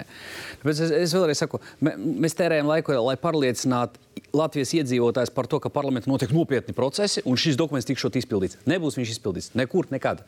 Labākajā gadījumā Silvijas kundze pēc uh, trim gadiem pateiks, ka pa lielam te viss ir izdarīts. Ja, kas tieši nu, nav svarīgi, bet izdarīts. Ja. Tāpēc apspriest to zaudēt laiku, šaubos, ka ir vajadzība. Šlesterkungs? Tā situācija ir tāda, ka mm, no tiem 300 vairāk punktiem, kas bija Kariņa deklarācijā, praktiski nekas nav izdarīts. Kas attiecās par žogu, man ir viena rekomendācija. Nu, pieņemiet ātri īpašo likumu, jā, jo nevar kara apstākļos būvēt žogu pēc parastiem noteikumiem. Ja vienkārši pieņemat likumu, lai ātri tiek uzbūvēts, tur visu laiku ir birokrātija, ierobežojumi un tā tālāk. Notiek karš, nu tā jāuzbūvē. Somija pāris mēnešos uzbūvēja lielo žogu. To vismaz šodien mēs varam izlasīt. Uh, uh, informatīvajā telpā, kas attiecās par darbiem, ja uzlabosim, veicināsim, panāksim, sekmēsim. Tas vispār ir tukšs, kas saka, dokuments, rīcības plāns noteiks visu. Mēs esam gatavi palīdzēt valdībai, kā opozīcijas partijai ar konkrētiem rīcības uh, plāna punktiem, ko var izdarīt. Ir punkti, kam ir vajadzīga nauda, ir punkti, kam nav vajadzīga nauda, bet ir vajadzīga politiskā griba. Šajā veicināsim, uzlabosim, tas neko neatrisina. Es teikšu tā, pēdējo reizi, kad visu frakciju vadītāji tikās pie prezidenta Rinkēviča, viņš visiem pateica, šis gads ir izniekots. Un tas bija pateikts pilnībā pa visiem, nevi, ne uz vienu konkrēti nenorādot uh, pirkstu. Labi. Ko es ar to gribu pateikt? Um, Tas, kas ir nepieciešams, nevis apspriest šo tukšo dokumentu, veicināsim, uzlabosim, bet nonākt līdz rīcības plānam. Un man ir vienkārši lūgums vienotībai. Jūs pie varas esat 11 gadus, nevis Evika eh, konkrēti, bet, eh, bet vienotība. Jums nav vajadzīgs simts dienas, jums vajadzēja būt visam gatavam, un jums ir problēma tāda, ka jūs. Kāds jums lūgums ir vienotība? Lūgums sākt to rīcības plānu realizēt. Sākam, sākam apspriest ar pirmo darbu, kas ir vakardienas valdības lēmums. Ir likuma projekts precīzāk par sadalījuma tīklu fiksētās maksas uh, pieauguma palielināšanu, uh, tad palielināšanas kompensēšanu pa 60%. Nu, tas ir rīktīgi schēma vispār. Te jau viss ir paņemts. O, es fonā uzlikšu. Andris bija darba devēja konfederācijas vadītājs. Ierakstīja vakar, lūdzu, kompensāciju nedodiet visām maisaimniecībai, nu vismaz man nedodiet. Uh, un parādiet, un šī ir būtiskais vārds, parādiet, ka varam mērķēti palīdzēt. Un vārds mērķēta palīdzē, ir, palīdzība ir iepriekšējās un aiziepriekšējo valdību visu laiku vārdi, kas tika griezti. Kāda schēma? Nombraukungs, paskatāmies, es uz savu dzīvokļa piemēra iz, izmantoju to tabulīti, ko jūs atsūtījāt uz, uz uh, finanšu komisiju. Nu, redziet, mans ir rēķins 100 eiro. Es dabūšu kompensāciju 6,08. Ir gēties par maniem.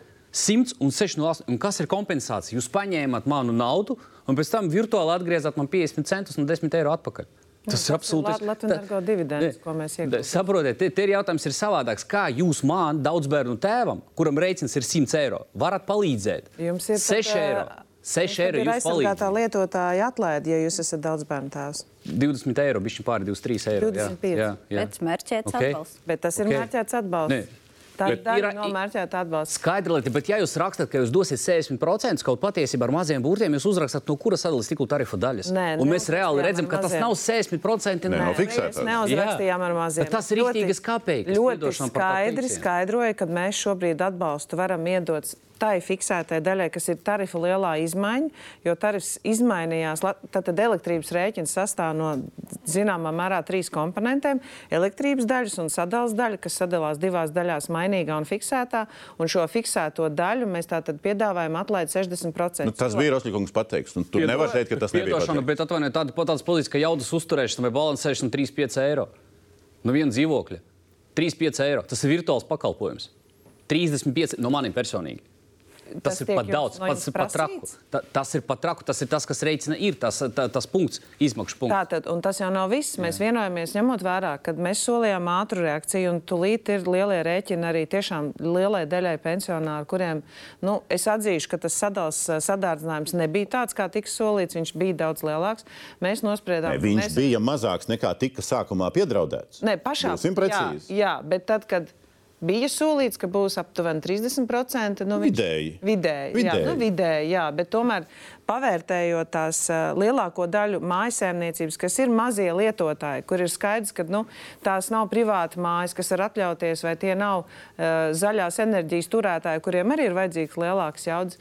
Līdz ar to mēs esam pieņēmuši šādu lēmumu līdz gada beigām jā. kompensēt, Bet bet, jau- līdz 1. novembrim ir jāizstrādā. Jāizstrādā kaut kas par nākamo gadu. Bet, bet tas jautājums, ko es gribu tomēr uzturēt, kad man liekas, nu, pat jāsaka, Rosļiko kungs, lai, lai, lai kādā viņš būtu status aizsargāto vai neaizsargāto, nu, ar saimnes deputātu algu, nu, principā var tāds 20 eiro plus nomaksāt. Ja? Nav, nav tik nabadzīgi. Piemērs, Nē, ļaujiet, būtu vieglākā matemātikā. Nē, bet, jā, bet, te, bet, te neiet jautājums bet par ļaujiet mani, uzstādīt, jautājums par ļaujiet situāciju uzstādīt to jautājumu, un te ir runa par kreisu centriskumu vai centrisku kreisumu. Ja?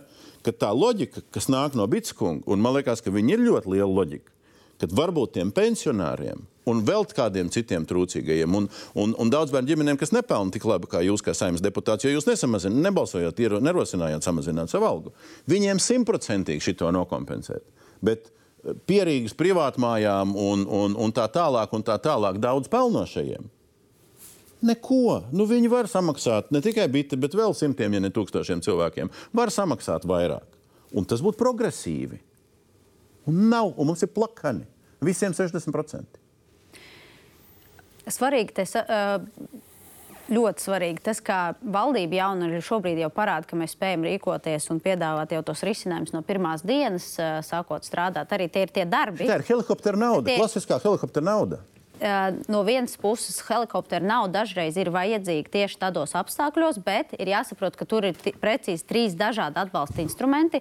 Viens, ko mēs jau šeit izrunājam, šie 60% nav mazsvarīgi tieši tām uh, fiksētai daļai.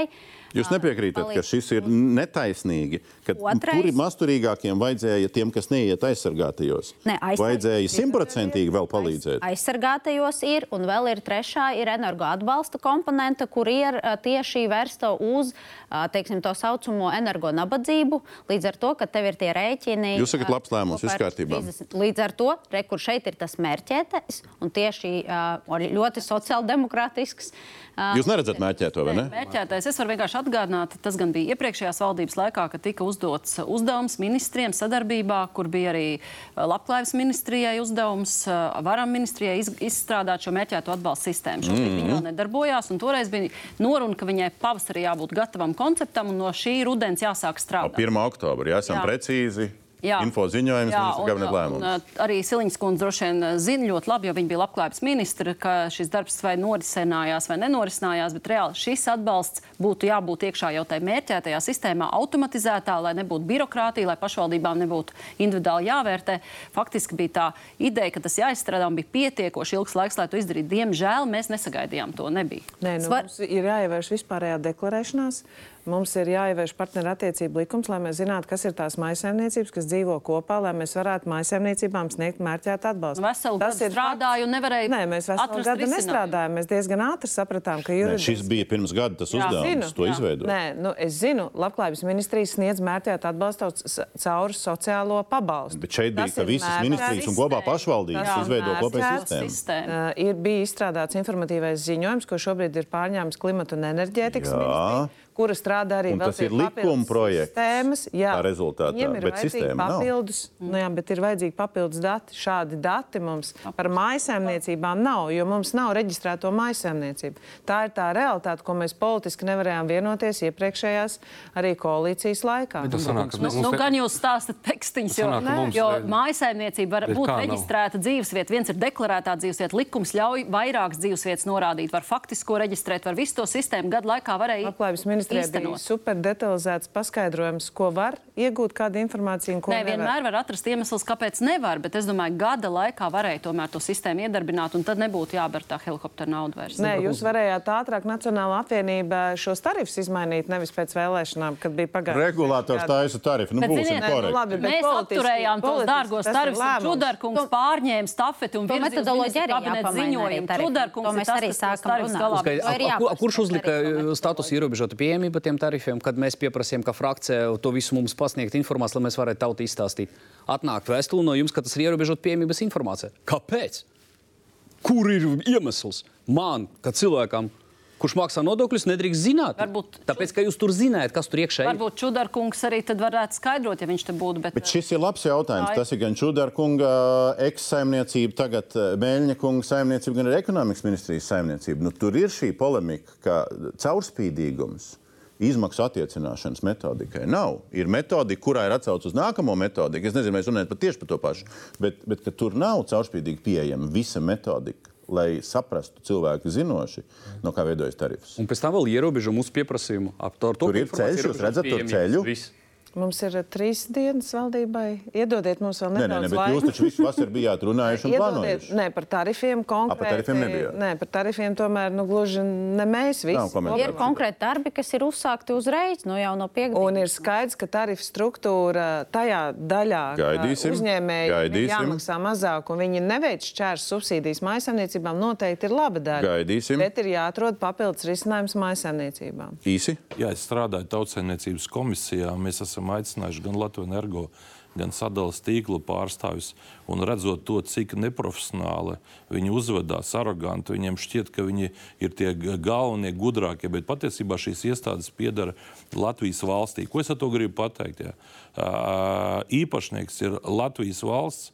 Un Latvijas valdība caur uh, ministrijām, pilnvarniekiem kontrolē šos uzņēmumus. Mm. Un akcionāram ir tiesības mainīt politiku. Un šajā gadījumā, tai vietā, lai ar vienu roku iedot 100 eiro, piemēram, pieaugumu, un tad 60 eiro, piemēram, atlaide, varētu pieņemt lēmumu, ka uz šo gadu Tad, kad viņi peldās naudā Latvijas energo sadalstīklā, noteikti to, ka viņi ne, ka tos tarifus var regulēt. Nekāds regulators ne, nevarēs eh, neko citu noteikt, ja akcionārs noteiks citu politiku. Lesarkungs, bet Un, ja mēs to sagaidīsim. izdarām, es pabeigšu. Lesarkungs. Ja mēs to izdarām, tad būtu daudz labāk. Jo šodien sanāk tā, ka viņi ar vienu loku pagarina, lai iepumpētu naudu budžetā, pēc tam grib tēlot salavečus, lai dalītu to. Šlesarkungs, sagaidīsim, ko šajā gadījumā arī ZZS pārziņā esošās divas ministrijas šajā sakarā piedāvās, tā skaitā Tautsības komisijai un publikai, un tad padiskutēsim tālāk. Es gribu aizsvērt vēl vienu lietu. Tomēr salīdzinot projektu, kas bija deklarācijas projekts, un gala rezultātu, un saprast, kāpēc. Tad bija 19. punkts, kurš vienā teikumā runāja par birokrātiju, un otrā uh, runāja par budžeta politiku. Pēc tam viņš tika pārdalīts, un tas punkts sadalījās ar 35. un 37. Un tagad tas teikums ir tā, ka sākumā viņš bija, ka mēs izvirzīsim skaidrs sasniedzams mērķis budžeta programmām, regulāri vērtēsim rezultātus. Un pārskatot, optimizējot esošos pārvaldes procesus, funkcijas un tam paredzēto finansējumu. Un tagad visa pārskatīšana, visa optimizēšana, visa uh, finansējuma un funkciju pārskatīšana ir pazudusi, un mēs tikai regulāri vērtēsim rezultātus. Kas šitas tāds bija? jau ir viens un tas ne, pats. viņa zem cita, man liekas. Nē, Atrodiet to punktu, pasakiet man. Nu, manuprāt, tas, kas ir rakstīts par, par to, ka regulāri vērtēsim rezultātus, paredz arī visu pārējo. Viss pārējais ir vienkārši liekavardība šajā. Ā, Liekvārdība nebija pagara deklarācija. Skaidrs? Protams, tikāmies ar sociālajiem partneriem. Viņi norādīja, ka viņiem šķiet, ka tie punkti viņi bija kopā ar uh, birokratizāciju un šo valsts budžetu. Jā, tas vienkārši ir sadalīts divos dažādos. Jā. Tas ir sadalīts vienkārši divos dažādos punktos. Sadalījām divos dažādos punktos, un tieši tā kā jūs minējāt, paliek nemēr. Saīsinājām 37. Ja? Paliek nemainīgs tas, ka mēs vēlamies savādākiem principiem veidot valsts budžetu, jo šobrīd visu laiku tiek veidotas bāzes ministrijās un nozaru ministrijas, tātad arī pēc šīm bāzēm strādā, bet mēs vēlamies līdzīgi, kā jūs te minējāt, par robežu noteikti konkrēti mērķi sasniedzamo rezultātu. Pieņemsim, tas varētu būt arī termiņš, un ja šis termiņš netiek sasniegts, tad var pārskatīt arī šīs programmas finansējumu. Tas draud uz nākamā gada budžetu vai tas atkal ir pēc gada? Nu, Diez vai uzreiz šogad to var paspēt izdarīt, bet pamazām es domāju, ka ir uh, veidi, kur to var ieviest. Pieņemsim, attiecībā uz uh, robežu mums tas jau šobrīd notiek. Vai opozīcija, nu tagad vienkārši klasiskā demokrātija, ka opozīcija meklē kaut kādas uh, problēmas, šeit ir stāsts par labiem budžeta mērķiem, un pretī ir 39. un 40. punkts precikliska, sociāli atbildīga uh, un attīstību veicinoša fiskālā politika, bet precikliska. Nu, tātad tas nozīmē, ka tev ir jāpumpē vairāk naudu, ja tu recesē vai tu stagnē. Ja? Nu, tā pēc loģikas un pēc ekonomikas kanoniem. Ja? Un 40. punkts. Če, saglabāsim tad, tad vispārējais valdības parādu, nu, ko viena kritizē, citi saka, ka vajag lielāku, bet lai vai kā 40% no IKP ilgtermiņā vidēji lai kā mēs to tulkotu. Kā jūs šitos punktus saprotat? Ko, ko Latvijas gan biznesam, gan iedzīvotājiem, ko uh, piedāvā jaunā valdība un cik tas ir labi vai slikti? Nu, ja mēs runājam starp valsts parādu, kas ir problēma, un starp precikliskumu, kas ir sava loģika, lai sildītu ekonomiku. Es domāju, runājot par, par precikliskumu, tas nav nekas jauns. Tāda bija arī iepriekšējās valdības uzstādījuma tieši Covid pandēmijas laikā, kas ļāva noturēt ekonomiku.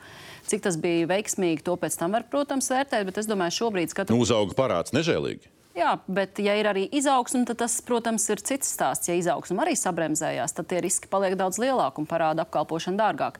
Runājot par tiem 40%, skatoties no Eiropas kopējās situācijas, tas nav liels skaitlis. Man tikai ir pārsteigums, ka šī koalīcija ir spējusi par kaut ko tādu vienoties, jo bija ļoti atšķirīgi viedokļi šajā, te, varētu teikt, programmatiskajā daļā progresīviem. Un, un, līdz ar to redzot šos ciparus, tad ir jautājums, kurš ir kompromisa panācējs, ka jūs tagad visi redzat, ka var būt 40% un ka var precikliski. Un... Nu, jūs valgat uz to, ka īstu precikliskumu un šādu parāda apjoma saglabāšanu vai pat mazināšanu, ja mēs nav skatāmies, savienojams. nav savienojams lietas. Vai ne? Ir. Kā? Jūs jau minējat labus vārdus. Ilgtermiņa vidēji. Cik tas ir ilgtermiņā vidēji? Ko tas nozīmē? Kas ir ilgtermiņš šajā gadījumā? Jums maksimums trīs gadi jūs varat strādāt, ja sanāk. Un te arī skatīsimies, ko ir ilgtermiņā arī vē- vērojoties arī Nu, kā jūs, to, ka- nenāšot, un kā jūs tulkojat vārdu ilgtermiņš? Nu, pavisam vienkārši latviešu vārds. Tas ir atkarība no konteksta. Ah, no konteksta. Ir, nu, protams, ka ilgtermiņš vienā situācijā ir desmit gadi, citā arī divi, trīs gadi. Remijas kundze ir konkrētāks skatāmies esamība televīzijā ir ilgtermiņš. Jā. Tas bija garāks periods nekā valdības pilnvaru laiks. Man pazuda doma. Es atvainojos. Budžets nāk, un tas ir īstenībā nu, ļoti nopietni. Ja? ir uh, problēmas, jo patreiz atkal runa ir par 2 miljardu aizņemšanos, kas vidēji bijis. Biznesā ir pieņemts tā, ja tu aizņemies, tad tu investē. Ja pretī budžetā mēs redzēsim investīciju plānu, vai tā ir veselība, vai tā ir izglītība, bet investīcijas, tad to var vērtēt savādāk. Bet ja tas būs tīri uz noiešanu tikai tāpēc, ka mēs iekasējam krietni mazāk naudas, es, do, es gribētu redzēt precīzi, kādas investīcijas tiks piesaistītas, kurās nozarēs. Es ieteiktu, organizējiet reizi nedēļā valdības sēdes ar jūsu partneriem, Tirzniecības rūpniecības kameru, darba devēja konfederācija, lai katru nedēļu tiek pieņemti konkrēti lēmumi, kā stimulēt attīstīt ekonomiku.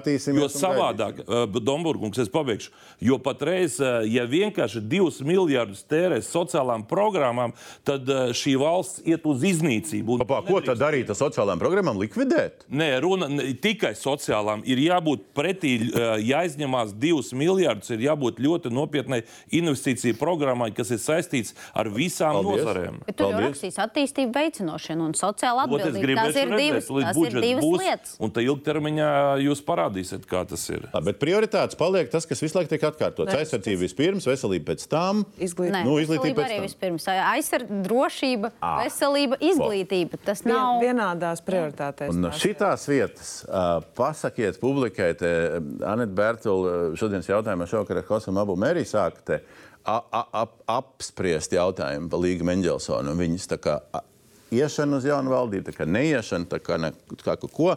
Um, bija jautājums, ko Hosams Abu Merī teica, es nezinu. Sākumā viņš teica par to, kā ministra prezidenti ir runājusi, pēc tam viņš drusku runājis.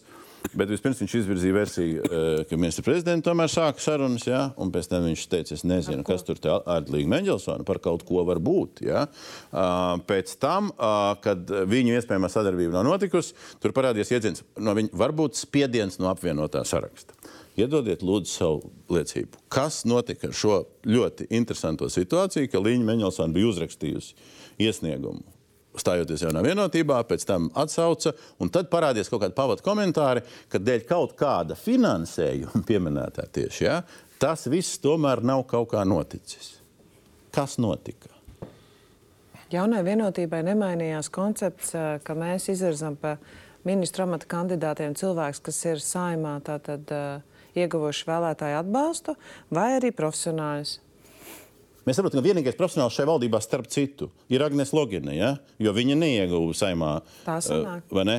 Tā sanāk, vai tā ir? Tā ir. Tā ir. Pareizi izkalkulējāt, bet ar Līgu Mendelsonu tā tad. Uh, tādas konkrētas sarunas tieši, ka viņi varētu jaunās vienotības valdībā ieņemt veselības amata kandidātu uh, statusu nebija, un jaunās vienotības valdē arī nav bijis atbalsta Līgai Mendelsonai. Kas notika? Nu, tur bija tāds neliels pārsteigums pašam uh, valdības stiprināšanas dienā, kas to ziņu saņēma. Mēs satikāmies ar Mendelsons kundzi, viņa atnāca uz mūsu frakciju un izstāstīja pilnīgi diametrāli pretēji nekā šobrīd es dzirdu no Siliņas kundzes. Kas bija diametrāli pretējais? Lūdzu? Nu, korekti, lai būtu šeit, būtu jāsēž arī Mendelsons kundzei. Tas, kā es to sadzirdēju, man kolēģi, kad ir bijusi runa saistībā ar to, ka iespējamo, iespējamo sadarbību veselības jomā turpināt darbu un nosacījām to, ka ir pietiekoši liels finansējums veselības jomā. Un saprotu, ka tāda finansējuma nav. Un, un, Tad Meģelsons kundze arī atsaukusi to savu, savu piedāvājumu. Un vienlaikus esot bijis uzstādījums, ja, ja vēlas cilvēks strādāt, viņam obligāti jāizstājas partijā vienotība. Pieņem, nu, noraida. Lai būtu korekti, tur būtu jāsēž pretī Meģelsons kundzei. Meģelsons kundze aizgāja un arī mēdījiem to visu izstāstīja saimnes namā. Nē, nepieņem, tāpēc, ka es Meģelsons kundzi konkrēti ministra amatam neesmu uzrunājis. Nu, pretruns. Jā, to iespējams būtu jānoskaidro. Tas būtu interesanti. Mums laiks noslēdzas. Es gribētu lūgt katram, nu, burtiski vienā teikumā. Nu, mēģinam īsi un lakoniski. Simts dienas šai valdībai apritēs uh, Ziemassvētkos. Nu, būtībā līdz gada beigām. Nu, ir kaut kas nosprausts līdz gada beigām, sešu punktu memorandā, lai gan kā viņi tieši tiks īstenot, tas vēl ir liels jautājums. Nu, un tad pārējie termiņi deklarācijā nekāda nav. Kam būtu, nu, teiksim, rēķinot no 1. janvāra, nu, kam būtu jābūt, ka mēs atkal šeit satiksimies kaut kad, piemēram, pēc jaunā gada? Vērtējot pirmās simts dienas, piemēram. Nu, viens pamat jautājums, pēc kā varētu primāri vērtēt, labs vai slikts darbs. Nu, bet pa vienam teikumam. Šajā pusē vispirms. Kurš pirmais var pateikt? Kas ir labs vai slikts? Kā jūs vērtēsiet?